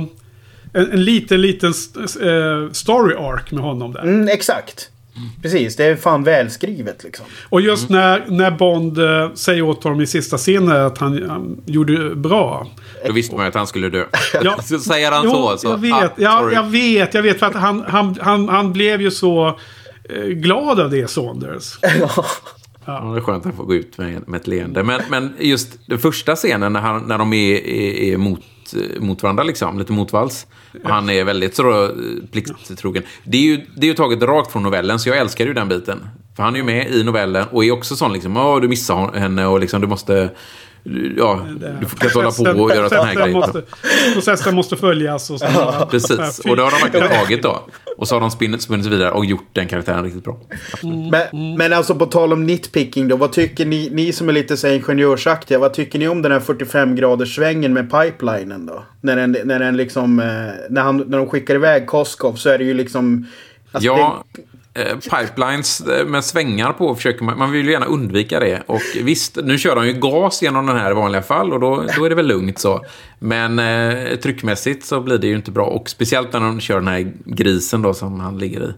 Det kändes nog för honom. Med det, du menar att det var en, Jag kommer inte ens ihåg Joel, men det var någon vinkel där som... Jo, det var, men den går ju zigzag liksom. Ja, det, ja, det kunde alltså, det, jätte, alltså, det där har jag reagerat på sen jag var typ så här åtta år gammal. Att ja. hur fan gick det där till liksom? Ja, ja, ja. ja men det är lustigt vilka små nitpicking-saker man stör sig på. Det är olika för oss alla tre tror jag. Ja. Absolut. Ja, nej, det var inget jag tänkte på. Men, men, men tack för att du pajade den scenen för mig. för all framtid, Joel. Uh, det, jag tycker snarare han, uh, general Koskov är kul där när han ska... När han blir helt... Vad, vadå, vadå? Så ska han ja, ner. Det är jättebra. Och så här blunda och så här liksom. Och använd masken. Han får inga instruktioner. Det är bara så här. What the fuck är det här? så det är lite kul. Uh, vad tycker ni om eh, scenen i Afghanistan när de kom in i fängelset med den där eh, ganska vidriga, tjocka fångvaktaren då? Liksom, det är en ganska intensiv scen helt plötsligt ja. mitt i allt. Jag har inget emot den. Den är också lite så. Nej men det var mer, jag var positiv. Jag ville lyfta, ja. lyfta Nej men det är en av de få, en, som jag nämnde ja. innan. Det finns vissa små delar i Afghanistan som funkar. Och ja. det är en av dem tycker jag. Den funkar helt okej. Okay. För, för, för han, var, han var väldigt obehaglig. Han var en vidrig typ liksom. Jo men det, det, har ju också med hans sätt att säga repliker och hans uppsyn. Alltså han är ju så ja. otroligt liksom... Eh, han känns ju riktigt jävla brutal alltså. Ja visst är det. Och jag, jag tycker det är väldigt bra gjort av filmen. De säger, han kommer in och säger Åh, jag har inte haft en kvinnlig fånge på länge. Då så tänker man ju vissa tankar och så tänker man Åh, det här var ju liksom mörkt och så här, Men det, det kommer inte Bond-filmen göra något av. Sen, nästa, nästa andetag säger han Klä av dig. så att liksom de, de, de följer det ett steg längre än vad jag förväntade mig i stunden. Jag kommer inte mm, ihåg mm. exakt hur dialogen gick och jag hann liksom tänka att det där nämner de ingenting mer. För det var bara lite så här, du vet man, man bara, man bara gracear mörkret lite. Men ja, nej men de, de tar det ett steg till. Strip ja. och så sliter han tag i ja. Och, och det är kanske det de gör ännu mer då i nästa film med någon mening. Man har lite mer uh, uh, ja, annan ton i den filmen. Mm. Mm. Ja. Ha, uh, nej men okej. Något annat från filmen som vi har glömt av eller? Annars så, eh, eh, vad sa du om eh, location scouting Patrik? Det är alltid lite spännande att höra. Mm. Jag tror att jag kanske också har varit på några av de här ställena. Men eh, berätta, vad har vi egentligen på detta? Ja, jag har, varit, jag har varit på rätt många. Jag vet inte varför det har blivit så. Ehm, men eh, jag åkte till Gibraltar en gång, mest för att jag ville åka till Gibraltar. Och då passade jag på att gå omkring på det här The Rock där uppe. Ja. Eh, det var varmt så in i helvete, kommer jag ihåg. Ja. Och det var, ja. jag gick och gick och gick och försökte hitta ställen och jag hittade även några. Och, eh, jag trodde ärligt att jag skulle dö där uppe. Alltså. Det var så varmt. Och det fanns okay. liksom ingenstans att köpa. Där jag gick omkring fanns det ingenstans, ingen skugga, ingenstans att köpa något vatten. Mm. Um, så det var, det stod, jag köpte en hatt dagen efter kan jag säga. Um, Ja, men var det, var, var det just här smärtspionen som du tänkte att du skulle dö av? Eller, eller varför var det du skulle sol, dö? Nej, solen då. Ja, du skulle bli dödad av solen. Inte att ryska agenter skulle komma döda mig, utan okay, solen. Okay, okay. Det var så varmt. Ja. Eh, en, ja. Skjuta in fråga där, Joel. Mm. Åker du också runt i världen och försöker återuppleva Bond-scener på eh, turistställen? Nej, det kan jag inte påstå. Ah, okay. Eh, du kan inte delta i den här seg segmentet? Nej, det, det, det, enda som är så här... Eh, det, som har med filmlocations att göra, det är att jag är typ uppvuxen... Eh, alltså 700 meter ifrån där typ eh, Brödernas hus i den första Jägarna-filmen. Okay, så att det, okay. det, det, är på andra, ja, ja. Jag är uppvuxen på andra sidan älven där. Så att när, när brorsan okay. står och sjunger opera, då man vrider upp kameran lite, då är det så här, ja, där borta är mitt hus. Okej, okay, så det är din claim to fame i det området alltså. Okej. Ja, eh, eh, innan du går vidare Patrik, jag har också varit eh, på Gibraltar. Eh, mm, och, eh, du har nämnt det. Ja, när du seglade va? Precis, det var, det var där vi landade när vi seglat över Atlanten ifrån, ifrån Västindien och från eh, Sankt Barts och Sankt, eh, eh Sankt Martin, eh, eller Martens, eh, som vi utgick ifrån i slutändan. Eh, så det var lite häftigt, men jag var ju, var, jag var inte riktigt så här Bond Scout Location Mode då när jag var där. Så jag var aldrig uppe på den, på den klippan. Ni var uppe? Nej, men, nej, jag var aldrig, var uppe, uppe på klippan. Det var, det var, jag hade varit ute till havs så länge och så, så att det var bara att få fast mark under, under fötterna och gå in på närmaste eh, hamnkrog och äta mat och dricka. lite. Ja, Gibraltar är ju rätt coolt. Alltså, det är ju, det är ju, britt, det är ju jättebrittiskt liksom. Med pubbar ja. och Marks Spencer och allting. Fast i medelhavsklimat. Det kändes jättekonstigt. Ja. Ja. Men coolt ställe att vara. Och cool, eh, de har ju cool eh, landningsplatta också, landningsbana. Just som det. verkligen börjar och slutar i havet liksom. Ja, ja. Ja. Och så kör man, och så kör man eh, bil, bilvägen till Spanien går ju över landningsbanan. Så de stänger av liksom. Då, och så, Jaha, okej. Okay. Som en korsning liksom. Var, var du, flög, du flög dit förstås då? Ja. ja. Det var ju också en grej att jag behöver, man behöver flyga dit om man ska dit. Liksom, just för att det var rätt cool plan, landningsbana. Ja. ja. Sen, sen därifrån så tog jag en dagstur ner till Tangier. Ja, just det. Där de också är. Eh, så då hittade jag en, eh, fick jag en sån här scout, eller guide. Precis, jag tog en sån eh, båt över. Och så var det någon, vid hamnen där så hittade jag någon guide då. Och han ville visa mig hela Tangier och det var ju så, sådär då va. Mm. Och så kom jag med de här, ja jag har lite bilder här, jag vill, jag vill, jag vill till de här ställena liksom. Han fattade ingenting. Liksom. Vadå, vill du inte, ska vi inte gå och kolla liksom, på de vanliga turistställena? Bara, nej, nej, här och så visade jag bilder. Så han, men han hade lite ganska koll. Ja, men det där är där. Och så, så han, han, han körde omkring och, och visade mig en del ställen. Det var inte jättemycket som var kvar. Eller ja, en del grejer var kvar då, men... Eh, det är liksom... Eh... Sen tror jag han skippade några grejer också, ärligt talat. Eh, så att han inte visste det. Men, för han ville ju köra till sin kusin som hade den här affären. Ja. Och sen ville han köra till den här restaurangen hans eh, polare eh, liksom hade då. Så, så att jag fick inte allt, men jag fick lite grann. Ja, just det. Så du, du gav honom inte någon sån här lista på uppmaningar som du gjorde när du var på skidresa? Eh, nej, till, till de inte guiderna? Efteråt. Inte nej. efteråt, nej. nej.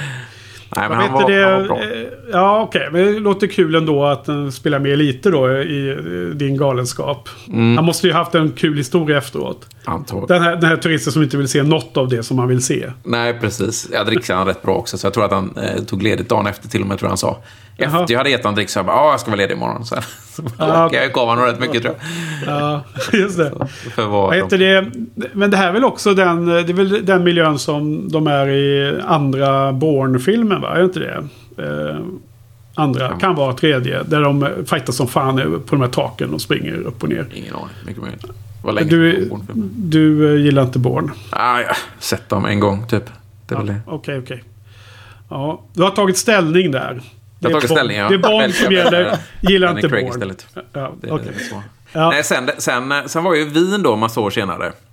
Ja. Och där, var det, där sprang jag omkring jätte, jättemycket och tittade. Så där, eh, där har jag nästan allt liksom, eh, de spelar in tror jag. De, även, det här konserthuset i Bratislava då, det är ju inspelat i Wien. Okay. Det ligger ju inte, Bratislava och Wien ligger ganska nära, men det var Wien i alla fall. Det är folkoper i eh, Wien som de spelar in. Så jag tog kort liksom på operan där, där hon stod och sköt och fönstret där han kröp ut. Och den hela butiken de går in i. Och där var jag väl inne och ja. köpte något självklart. Eh, och gasklockorna där de lyfter med Harry-planet var jag över. Och, Just det. Eh, Tivolit självklart var jag inne på. Åkte den här eh, karusellen. Dock, Eller menar du... Eh vad heter det? Karusell? Du menar det här eh, Pariserhjulet eller? Ja, precis, precis. Ja. Eh, så där var jag inne. Jag hade inte lika roligt som de hade i och för sig i, det där. Utan jag körde bara vanliga turist. Du hade inte med dig någon sån kompis då, då som du tvingade Nej, med på tyvärr. Så, tyvärr sa du, ju... nu, nu ska vi åka i den här... Eh, den här Har du sett den här filmen innan nu? Nu vet jag vad som gäller. Men du, men du, det var så här stor hytt, hytt också. Var det samma? Eller du mm, ja, absolut. absolut. Okay, okay. Precis, precis samma så. Sen vet jag att jag sprang kring och letade efter hennes lägenhet jävligt länge. Jag, mm. jag hade några potentiella, men den, ingenting som jag direkt kunde säga att det här var det. Då. Du kände dig som en stalker? Ja, verkligen. Och sen så även när, uh, när de åker häst och vagn, så, som vanligt så åker de ju på olika platser. De, de, liksom, och då var jag på några av de här platserna de åkte. Mm. Så. Nej, så det var Just det. Bratislava ligger ju precis på gränsen där. Ja, öster mm. om Österrike så har vi Slovakien då i liten öst-nordöstlig riktning. Och där har vi Bratislava på gränsen. Där har vi den, den eh, förklaringen till varför det var Bratislava och, Wien. Att det var så nära, det hade jag inte riktigt koll på. Nej, det fick jag koll på när jag var i Wien faktiskt. Att, eh, ja. Jag har varit i Wien också men aldrig tänkt på Bonn där. Eh, du då Joel, har du eh, besökt Wien någon gång? Jo, Wien har jag varit på, åkt på studieresa när jag pluggade. Med, mm. med skolan faktiskt. Nyktert? Vi gick, ja, vi, vi, gick, vi, vi gick i Adolf Hitlers fotspår. Men, ah, det var inte... Det var, det var inte på uh, filmstudierna alltså, eller? Var det jo, jo det, det, det, det, det, var på filmstudierna. Absolut. Okay, okay. Det var när jag gick på Dramatiska institutet. Jaha.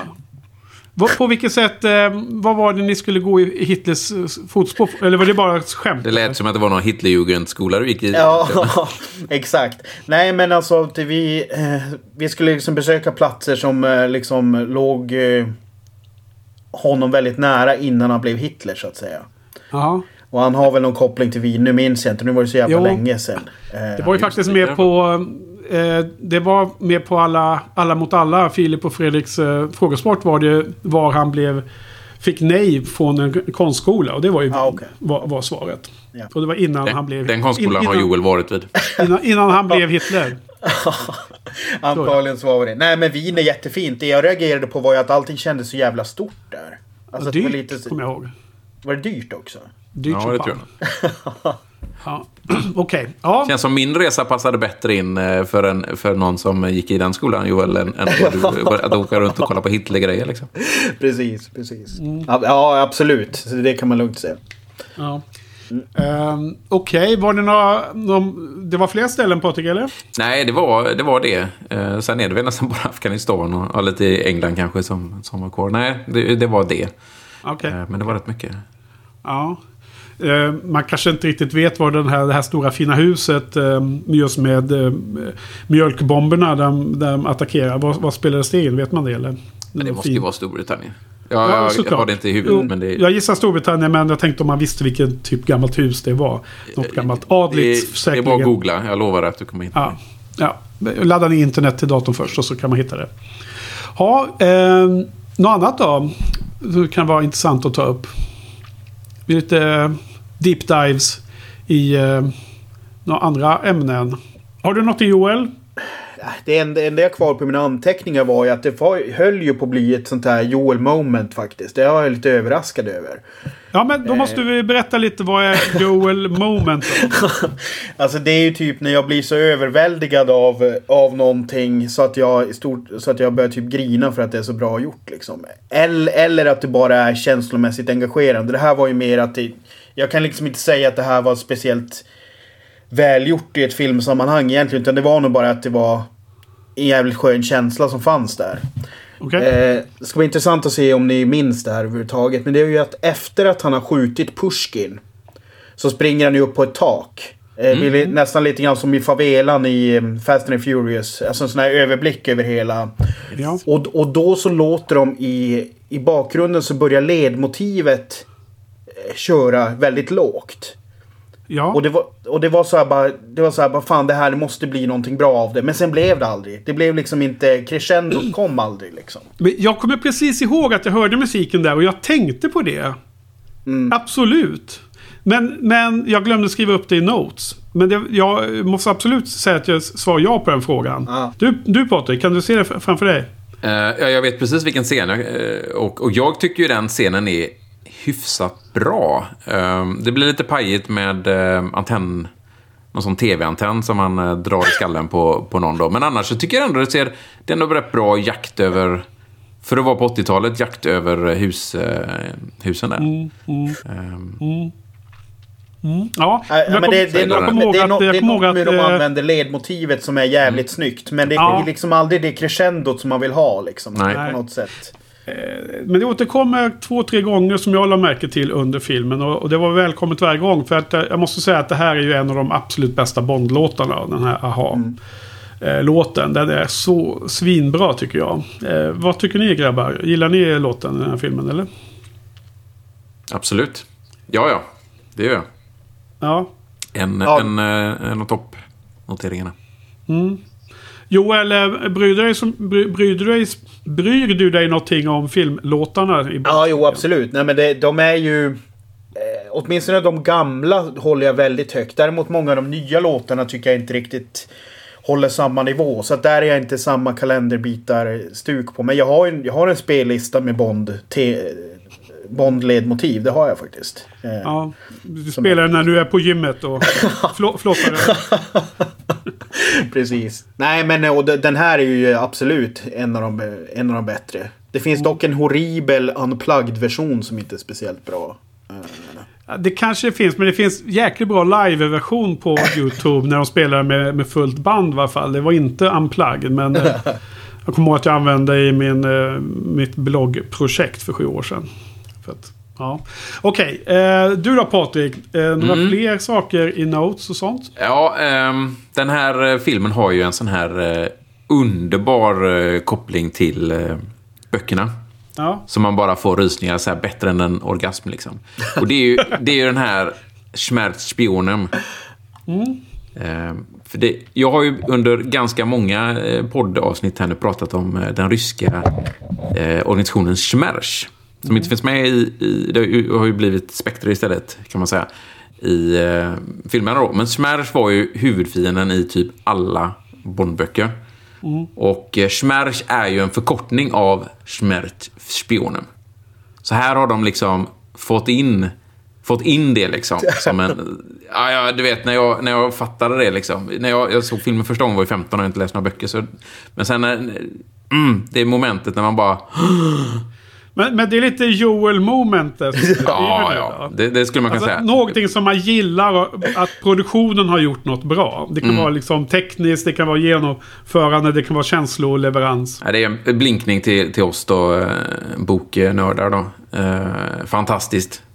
Ja. Eh, och det betyder ju också just då Death to Spice. Då, så att de har ju översatt det precis som böckerna då. Ja. Uh, ja, nej, så den... Uh, det, var, nej, det går ju bara rakt över huvudet på en sån som en annan då. Som inte jo, men och det är ju det som är det roliga liksom. Att det är lite sådär intern ja. då. Så den, den, eh, den var ju fantastisk. Det blir som exklusivt för er som gillar böckerna mycket.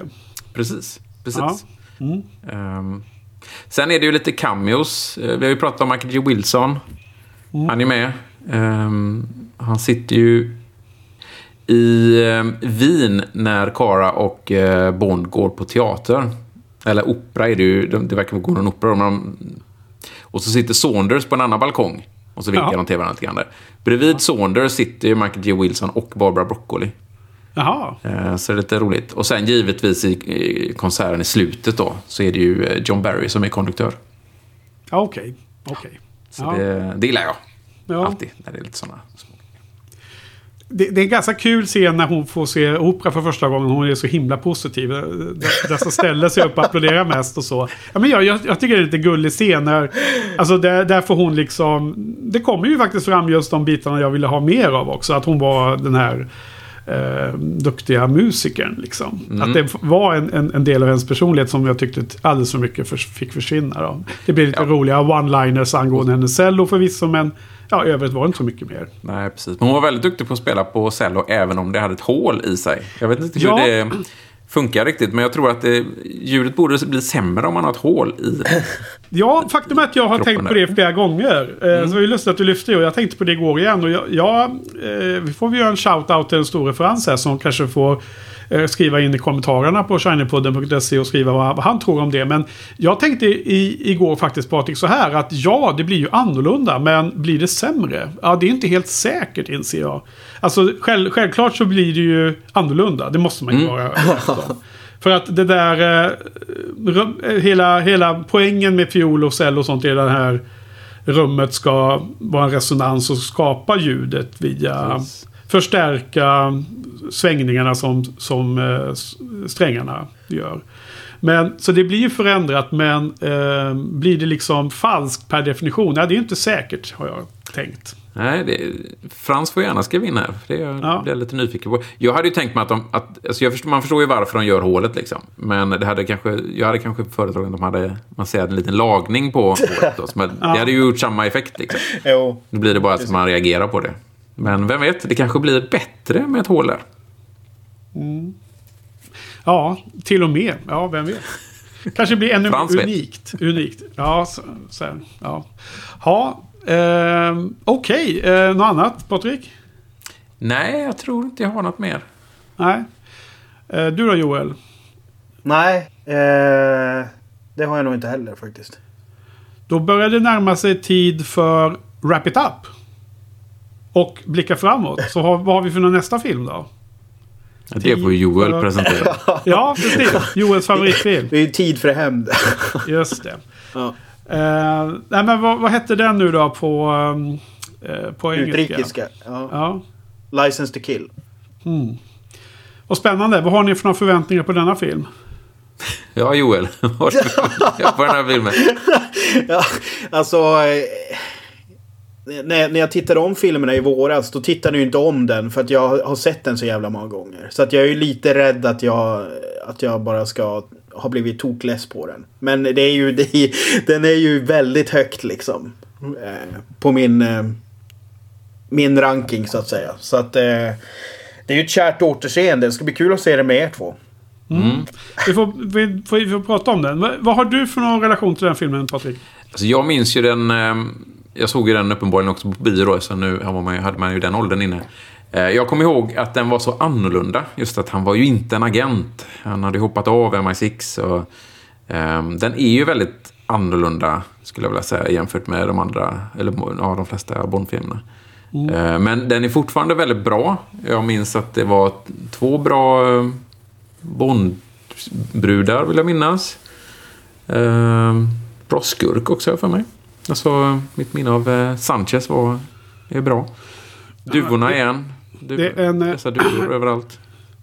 En ung Benicio del Toro, kommer jag ihåg. Mm, eh, jag, jag, eh, jag har alltid haft stora problem med den här filmen. Eh, för, för mig har det alltid varit väldigt lågt rankat faktiskt. Men mm. jag har ju märkt att flera av de filmer som jag har trott skulle vara jättesvaga så har jag liksom blivit övra positivt överraskad och funnit funnit eh, sidor av som jag uppskattar mycket mer som jag aldrig hade tänkt mig. Så att jag ska försöka undvika att vara nitpickande och jag ska försöka se, se dem med öppna ögon. Det som ger den, den chansen den behöver.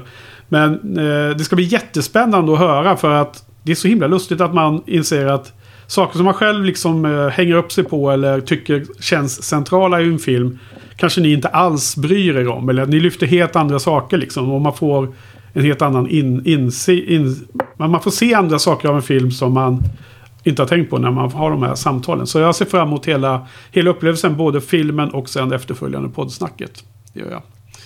Faktiskt. Ja, vänta, vänta, okay. vänta. Sen, ja. sen, har jag en utmaning till er också. Ja. Eftersom det var så tråkigt att inte ha en topp tre den här veckan. Så ska vi mm. köra en eh, nästa vecka tänkte jag. Och då skulle jag vilja veta era topp tre Bond spin-offs baserat på karaktärer från Bond. Det vill säga om man skulle göra en, en film som typ handlar om en annan karaktär. Ah, och, alltså, potentiella. Som, in, som, inte finns alltså? Ja, precis. Ja, för jag börjar fundera, vad är det för spin-offs jag missat nu liksom? ja, precis. Jag är också lite så, oj vad är detta? Så att om ni, om ni själva liksom skulle få önska. Okej, okay, okej. Okay. Eh, intressant Patrik. Ska vi anta denna utmaning? Ja, absolut. Det är något jag aldrig har tänkt på. Det här ja. kan bli hur kul som helst. Vilken uh, var, varsin, varsin topp tre, va?